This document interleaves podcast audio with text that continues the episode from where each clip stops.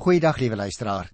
Ons is vandag by net so 'n wonderlike gedeelte hier in Romeine, die 7de hoofstuk, die eerste 6 versies. Ek gaan net 'n klein stukkie afbyt vandag want dit is so 'n wonderlike en 'n ryk gedeelte, ryk en swanger aan inhoud, né? Uh, miskien wil ek net vir nuwe persone wat dalk vir die eerste keer inskakel sê baie baie hartlik welkom. En ook vir julle vertel dat uh, Paulus sy brief aan die Romeine geskryf het omdat hy op die oog gehad het om Rome binnekort te besoek. Nou ja, dit sou eers 'n paar jaar geduur het voordat hy uiteindelik daar uitkom en hy sou uiteindelik ook aankom in Rome as 'n gevangene op 'n boot. Maar op hierdie stadium is hy nou besig om voorbrand te maak vir sy voorgenome besoek aan Rome. En ook op sy deurreis na Spanje. Jy kan maar kyk as jy wil by Hoofstuk 15 vers 24, deur nou hierdie voorlegging as dit ware van hoe hy die evangelie te verstaan te maak aan die Christusgelowiges daar in Rome. Nou ja, dit was so iewers tussen die jaar 55 of 56 na Christus. Ons kan nie presies weet nie, wel dat dit uh, tydens die winter was dat hy geskryf het en op daardie stadium was hy natuurlik in Korinte. Hy skryf dus vir die Christusgelowiges in die groot wêreldstad van die Romeinse ryk, Rome. Tussen hakies, die meeste van daardie Christene het waarskynlik vroeër nie die Joodse godsdiens aangehang nie. So baie het ook uit die heidendom gekom. Nou, liewe luisteraars, dit is 'n wonderlike gedeelte. En daarom wil ek graag indringend met jou so 'n bietjie daaroor gesels, maar ek wil eers 'n paar soos wat ek maar gewoonlik doen, 'n paar algemene opmerkings maak, want ons is nog steeds besig met die wat ons kan noem die 5de hoofdeel in die boek Romeine, waar dit gaan oor die nuwe lewe wat Christus gelowige mense behoort te lei elke dag. En as jy nou gereeld ons program luister, dan sal jy weet in die voorafgaande hoofstukke het Paulus telkens na die wet van God verwys. Nou, dat hy so dikwels selfs by wyse van kort selfonderbreking hierop terugkom, wys hy op die groot erns waarmee hy self die wet van God en die probleme rondom die wet beheen het. Nou hierdie probleme luisteraars het veral bestaan in die vraag na die aard en die doel van die wet. Maar ook die posisie van die gelowiges, die Christusgelowiges ten opsigte van die wet. Met ander woorde, moet die Christene nog nou die wet slaafs nakom? Is hulle nog gebonde aan al die voorskrifte wat die Jode vir hulle ook opgestel het na aanleiding van die wet? Nou gaan Paulus op verskillende van hierdie probleme in, maar hy konsentreer veral op die posisie van die Christene ten opsigte van die wet. Tog wil ek dadelik weer 'n keer sê, is sy hoofdoel nie om die probleme rondom die wet bloot teoreties op te los nie. Hy wil die Christene daarvan bewus maak dat dit 'n wonder is, maar ook 'n verantwoordelikheid wat die Here op hulle geplaas het dat hulle mag lewe as 'n nuwe mens, as mense met 'n soort van nuwe lewe, 'n totale nuwe lewe. 'n bestaan wat anders is, wat bevry is van die wet, maar wat nou aan Christus behoort en onder die beheer van die Heilige Gees mag lewe. Om die probleme rondom die wet op te los, is dus vir hom van baie groot belang. Maar van nog groter belang is dit om die Christene 'n dieper insig te gee in wat werklike praktiese kristendom beteken. En daarom in vandag se gedeelte hier in Romeine, die 7de hoofstuk, die eerste 6 versies, stel die apostel in hoofsaak die feit dat die Christene van die wet bevry is en nou in God se diens staan. Jy moet baie mooi luister wat ek nou gesê het. Ons is nie net bevry van die wet nie, liewe luisteraar. Ons is bevry sodat ons in God se diens kan staan. En dit vergeet ons baie kere. Daarom het ek juis vandag se program se opskrifie uh gesê bevry van die wettiese diensbaar vir Christus. Geen Christusgelowige kan dus maar net passief bly sit nadat die Here hom vrygemaak het en hom gered het nie. Paulus wys in hierdie paar verse, ek gaan dit nou nou behandel, wys hy vir ons dat die gelowige nie meer onder beheer van die wet staan nie, maar dat hy dien in die bedeling, die nuwe bedeling van die Gees. Paulus gebruik die verhouding tussen 'n man en 'n vrou in 'n huwelik om aan te toon dat die wet net gesag oor 'n mens het solank hy lewe. Die getrouheidswet geld net so lank as die huweliksmaat lewe. As die huweliksmaat doodgaan, dan geld daardie wet mos nou nie meer vir die oorblywende ene nie. En kan hy of sy met iemand anders trou? So het die wet byvoorbeeld sy gesag oor jou en my as gelowiges verloor toe jy saam met Christus gesterf het. Nou is jy en ek vry van die wet. Nou behoort ons aan Christus. En daarom moet ons vrugbare lewens lei in diens van God. Nou, kom ons kyk indringend na hierdie wonderlike gedeelte wat die apostel vir ons gee hier in Romeine by die 7de hoofstuk. Die eerste versie sê: "Julle weet broers, en ek praat met mense wat op hoogte is van die wet van Moses, dat die wet gesag het oor 'n mens so lank as hy lewe." Baie belangrik. Jy sien, hoewel Paulus die Christene daarso in Rome nou vir die eerste keer sedert vers 13 in die eerste hoofstuk weer hier aanspreek as broers. Was hy natuurlik nog al die tyd besig met hulle. En soos ons herhaaldelik tevore gesien het, beroep die apostel hom op hulle kennis en insig. Daarom sê hy: "Julle weet, broers, want onthou hulle die Ou Testament gehad, hè? Op hierdie wyse wil hy hulle saamneem in sy argument wat hy nou begin opbou. Die wyse van aanspreek beklemtoon te gelyk die belangrikheid van wat hy nou gaan sê. Om aan te toon nou dat die Christene nie meer onder die wet staan nie begin hy sy argument by die lewenslange gesag van die Mosaïese wet in die eerste vers maar gebruik die Joodse sowel as die Griekse Romeinse huwelikswetgewing in vers 2 en 3 ek gaan nou nou daarby kom om sy punt te illustreer. So hy spreek hulle aan uh as dit ware met die beroep op die feit dat die mense van Rome tog wetskennis het. Maar nou wil hy daardie kennis van hulle verduidelik deur te sê dit moet lei tot 'n bepaalde styl van lewe. Luister nou na vers 2 en 3. Nou begin hy nou met hierdie beeld van die van die huwelik. Die getroude vrou byvoorbeeld, sê hy, is deur die wet aan haar man gebind solank as hy lewe. As haar man te sterwe kom, is sy onthef van die wet wat haar aan haar man gebind het. Maar as sy 'n ander man se vrou word solank as haar man lewe, sal sy 'n egbreekster wees. As haar man gesterf het, is sy egter vry van die wet en is sy nie 'n egbreekster as sy 'n ander man se vrou word nie. Nou luisteraar, dit is baie belangrike goed wat die apostel hier sê want ten sy 'n wettige egskeiding plaasvind, was 'n vrou volgens hierdie wettiese siening eers na haar man se dood vry om 'n tweede huwelik aan te gaan. So as illustrasie van die verhouding wat die Jode nou het teenoor ander mense wat baie wetties was. As illustrasie daarvan voer Paulus die voorbeeld aan van die huweliksreg. En die mense daar in Rome het dit natuurlik baie goed geken. Die Jode het die Joodse wet geken en die Romeine het natuurlik die Romeinse wetgewing in hierdie verband geken. Slegs solank as vir die eggenoot lewe, word die eggenote aan hom verbind deur die wet. Indien die man egter sterwe, sê Paulus, dan hou die eis van die wet van haar verbondenheid aan die man dadelik op om te bestaan want die man is mos nou dood. As sy aan 'n ander sou behoort het, solank haar man nog gelewe het, sou sy egbreekster wees. Maar na sy dood is sy vry om aan 'n ander te behoort, sonder dat sy 'n egbreekster genoem sal word. Die bedoeling van Paulus, lyk my liewe luisteraar, is dat ons duidelik moet verstaan dat die dood die wet buite werking stel. Daarom kan hy hier ewe goed praat van die dood van die man hoewel ons op grond van die uitspraak in vers 1 sou verwag het dat hy sal praat oor die dood van die vrou. Nietemin, Paulus gebruik dit op hierdie manier om die moontlikheid te behou om die beeld so te kan toepas dat die een wat deur die dood geskei word, weer 'n nuwe verhouding kan aangaan as agtergeblewene.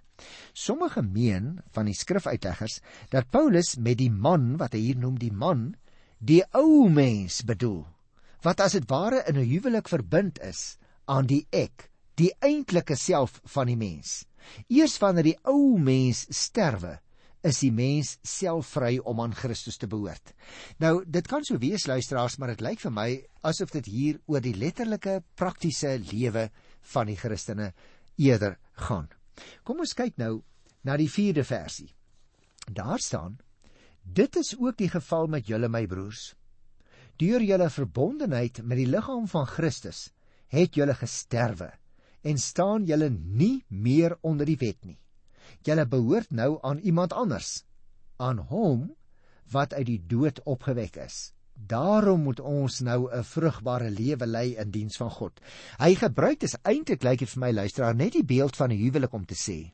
Kyk, as jy uh, getroud is, man en vrou, en een van daardie persone in die huwelik val weg, dan is die agtergeblewe een nou mos nie meer verbind aan daai een nie.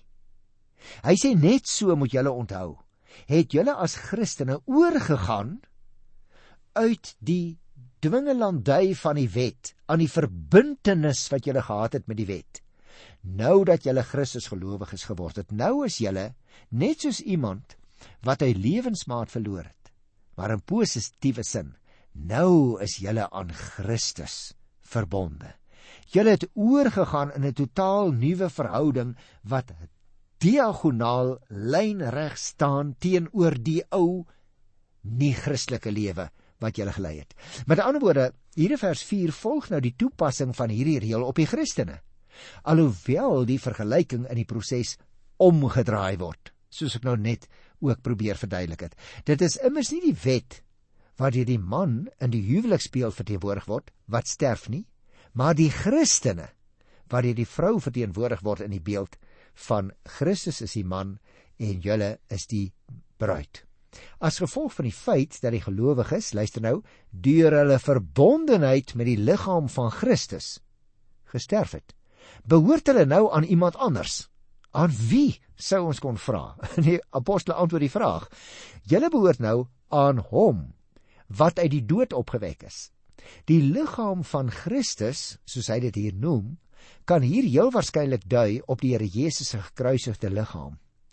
Waar hierdie uitdrukking egter nie verder gekwalifiseer word nie, lyk dit vir my slaan dit tog eerder op die kerk as die liggaam van Christus. Met ander woorde, op grond van hulle verbondenheid met die liggaam van Christus, die kerk, en daarom van wie hulle verbondenheid met Jesus Christus die hoof van die kerk self geld dit wat met Jesus gebeur het, naamlik sy sterwe aan die kruis, asof dit ook met hulle gebeur het. Hulle is dus dood vir hulle ou, mag ek dit noem, eggenoot, die wet. En nou is hulle volkome vry om aan Christus, hulle nuwe eggenoot te behoort. Met ander woorde Paulus wil dood eenvoudig vir hulle sê, hoor hierso, julle is dood vir die wet. Julle lewe nou vir Christus. Julle staan nou in 'n nuwe verhouding en Christus is die belangrikste persoon in daardie verhouding. Jy sien, liewe luisteraar, wat beteken dit nou prakties? Wanneer jy besef dat dat jy aan Christus behoort, dan verander jou en my lewe onherroepelik. Ons kan nooit weer teruggaan na die ou lewe toe nie. Die ongelowige dink natuurlik net aan sy eie bevrediging en hy put sy krag uit die feit dat hy self oor sy lewe besluit. Daarteenoor is God die middelpunt van die Christusgelowige se lewe. Met alles wat jy en ek is, met alles wat jy en ek het, behoort ons 'n vrugbare lewe te lei in diens van God. Nou as die apostel dit so duidelik stel en dit nogal verduidelik aan die hand van uh die huwelik, dan kom die vraag dadelik by my op, luisteraar. Hoe lyk my verbondenheid aan die Here Jesus? Handhaaf ek nou nog as dit ware 'n wettiese verbondenheid. Ek mag nie dit doen nie, ek mag nie dat doen nie. Hierdie ding moet ek doen en daai swaar ding moet ek ook doen alhoewel ek nie lus is nie. Dan is daar fout in my verhouding. Want hy sê julle leef mos nou in vryheid teenoor die Here Jesus wat julle bruidegom geword het. Luister na die 5de vers. Hy sê toe ons nog 'n sondige lewensbestaan gevoer het, was die sondige hartstogte wat deur die wet wakker gemaak is, in elke deel van ons liggame werksaam en het ons vrugte gedra in diens van die dood. Nou ja, hulle agtergrond is heel waarskynlik bietjie anders want onthou party van hulle het uit die Jodendom tot bekering gekom, party van daardie Christene het ook uit die heidendom tot bekering gekom. Daar was dus 'n radikale verandering in hulle lewens toe hulle Christus gelowiges geword het. En dit is soms liewe luisteraars nog 'n bietjie 'n probleem met ons wat in in aanhalingstekens Christelike huise groot word. Ons is so gegiet in die vorm van Christen wees. Maar het ons werklik 'n persoonlike verhouding met die bruidegom? Laat ons werklik elke dag toe dat die Heilige Gees wat in ons woon, daardie verhouding wat ons met die Here Jesus het, verdiep. Of is ons so besig met ander dinge dat as ek dink ek het nou my dankoffer gegee, ek het nou kerk toe gaan, ek het nou 'n paar dingetjies gedoen, goed gedoen aan ander en seker dinge het ek nie gedoen nie wat verkeerd en sondig is, dan dink ek soms maar maar eintlik is ek daarom nou nie te ver van die Here af nie, my verhouding met hom is nie te sleg nie. dan slaan ons die bal baie ver mis. Dit lyk vir my luisteraars dit is juis wanneer ons so begin dink dat ons weer vleeslik raak. Maar jy sien hierdie 5de vers wil vir ons baie duidelik sê. Omdat ons as Christene nou volkome aan die opgestane Christus behoort, is dit juis ons as Christene se lewensroeping om 'n vrugbare lewe te lei in diens van God. Hy sê toe ons nog 'n sondige bestaan gevoer het, het jy opgelet? Nou daardie uitdrukking dui op die tyd toe die Christene nog in die vlees, dit wil sê onder die heerskappy van die vlees verkeer het. Die vraag kom dus weer by my op. In hoe mate is my lewe nog vleeslik? Nou nie net dinge wat ek doen in die vlees nie, maar ook vleeslik in die sin van in my gedagtes alreeds ontrou aan die Here toe ons van die Ou Testamentiese gedeeltes behandel het, het ek al 'n paar keer vir julle daarop gewys dat ontrou aan die Here ook in my denke, ook in my verwaarlosing maar van my verhouding met hom word die beeld van egbreek dikwels gebruik. Nou hier natuurlik, liewe luisteraar, die vlees is daardie mag waardeur die Satan in die sonde oor die mens regeer. Waarmee hy ons liggaam en ons gees in sy mag kry. Nou wil ek dadelik sê hy kan nooit vir ons volledig in sy mag kry nie. Hy kan ons laat struikel en laat val want ons is in die hand van die Here. In Johannes 10 vers 28 staan daar: "Julle is in my hand. Niemand sal julle uit my hand ruk nie." Maar dit beteken nie luisteraars dat ons van tyd tot tyd ontrou raak nie. Dis eers wanneer ek as mens oorgeplaas word in Christus dat ek bevry is van hierdie negatiewe vleeslike mag. Destyds het uh, die uitdrukking sondige hartstogte wat deur die wet gemaak wakker gemaak is, soos dit in vers 8 ook staan, in alle dele van hulle liggame, dit wil sê in elke uiting van hulle bestaan gewerk, want hulle was eers heeltemal weg van Christus af. Hulle het hom nog nie ontdek nie. Hy het nog nie die beheer oor hulle lewens uitgevoer nie. Die gevolg hiervan was dat hulle in direkte teenstelling met dit wat hulle nou as lewensroeping aanvaar het, naamlik om vrug in diens van God te dra, vrugte gedra het in diens van die dood. En nou wil die apostel in die 5de vers wil dit daarmee baie baie duidelik sê, daardie ou lewe om vrugte te dra in diens van die dood moet verby wees. Maar julle moet onthou, julle moenie op 'n wettiese manier probeer om reëls na te kom sodat julle kan vrug dra nie. Julle staan nou in 'n persoonlike verhouding met die Here. Nie die nakom van die wet nie, maar 'n liefdesverhouding met die Here Jesus self. En daarom, 'n liewe luisteraar, kom ons lees weer hierdie 6ste vers want ek dink dit is so belangrik. Maar nou, jy sien in die 5de vers het hy gesê toe ons nog 'n sondige lewensbestaan gehad het. Nou sê hy in vers 6: Maar nou is ons vrygemaak van die wet. Want ons het gesterf. Ons staan nie meer onder die wet waardeur ons gebind was nie. Nou kan ons dien in die nuwe bedeling van die Gees. nie in die ou bedeling van wetsvoorskrifte nie. Dis baie belangrik dat ons dit baie goed sal verstaan luisteraar. Dit is nou nie meer die wet wat aan jou en aan my voorskryf hoe ons ons lewens moet inrig nie, maar die gees van God wat dit vir jou en vir my as nuutgemaakte mense moontlik maak om God op 'n heeltemal nuwe manier te dien. Om dis aan te sluit by Paulus se beeld van huwelik, wil ek miskien net dit sê: Voordat jy en ek Christus gelowiges geword het, luisteraars, was ons man, dit wil sê ons ou mens of as jy wil, die stuk vlees Dit was ons lewensreël. En dit het eise aan ons gestel wat ons nie kon nakom nie. Nou sê die apostel, jy en ek het egter dood gegaan. Ons het saam met Christus gesterwe. En so het jou man, die wet, gesag oor jou en my verloor. Toe jy en ek luisteraar dus saam met Christus opgestaan het in 'n nuwe lewe het het ons saam met al die Christus gelowiges se bruid geword. En nou is die Here Jesus die een wat oor ons die gesag voer. En dit is 'n liefdevolle gesag. Want hy stel sy bruid in staat om te wees soos hy die bruid wil hê. As jy hierdie selfde gedagte wil gaan naslaan in die boek Efesiërs, gaan kyk by Hosea vers 26 en 27. Daar moet 'n innige, teere verhouding tussen jou en my aan die een kant en die Here Jesus aan die ander kant wees. Net soos wat daar 'n baie intieme verhouding is tussen 'n man en 'n vrou in die huwelik. Ons kan dus, luisteraars, ons kan dus vrugbare lewens lei in diens van God, omdat die een wat gesag oor ons voer, ons die vermoë daartoe gee. Ons doen dit nie uit eie krag nie.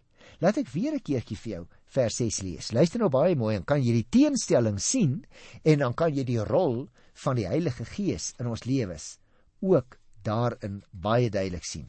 Dit is Romeine, die 7de hoofstuk vers 6. Maar nou is ons vrygemaak van die wet. Want ons het gesterf. Ons staan nie meer onder die wet waardeur ons gebind was nie. Nou kan ons dien in die nuwe bedeling van die Gees. Nie in die ou bedeling van wetsvoorskrifte nie. En daarom wil ek ten slotte, liewe luisteraar, vir jou herinner daaraan. Wat sou Paulus hier bedoel met die nuwe bedeling van die Gees? Jy sien, ek het reg toe ons met ons reeks begin het, een keer vir jou gesê, 'n mens kan eintlik die geskiedenis in 3 groot periodes indeel. Die eerste periode is daardie periode van skepping van roeping van 'n volk toe die Here die Israeliete geroep het om sy volk te wees want hulle was dit nie van tevore nie. In in daardie periode kry mens veral God die Vader op die verhoog. Dan was daar die tweede groot fase toe die Here Jesus na die wêreld toe gekom het en wat vir ons beskryf word in die vier evangelies, toe hy met mense voete in die stofstrate van Palestina kom loop het, toe hy gesterf het aan 'n kruishout op Golgotha. Om te wat? Om sondaar mense met sy hemelse Vader te versoen. En nadat hy vertrek het met die hemelvaart luisteraars, het hy soos wat hy beloof het in Johannes 14 gevra dat die Vader die Heilige Gees sou stuur en dit het waar geword in Handelinge 2 nê op Pinksterdag. Van daardie tyd af leef ons dus in die nuwe bedeling, in die bedeling van die Gees. Ons is nou in die periode waarin die Heilige Gees die verdienste van die Here Jesus wil vat, dit op jou hart wil bind en wil sê, hoorie, dit is vir jou persoonlik bedoel. En daardie Gees van God woon dan in ons harte as ons die boodskap van die evangelie aanvaar. Hy lei ons Johannes 14, hy herinner ons Johannes 14 en hier het ons nou vandag gehoor dat 'n uh, eh, Romeine 7 die 6de vers sê dat ons nie meer aan die wette so slawe onderdanig is nie, maar ons kan God nou dien in die nuwe bedeling van die Gees. Nie in die ou bedeling van wetsvoorskrifte nie. En dit is 'n wonderlike wonderlike stuk genade wat die Here aan ons betoon. Die Gees van God lei ons daagliks in hierdie nuwe lewe vir die Here. Tot volgende keer. Totsiens.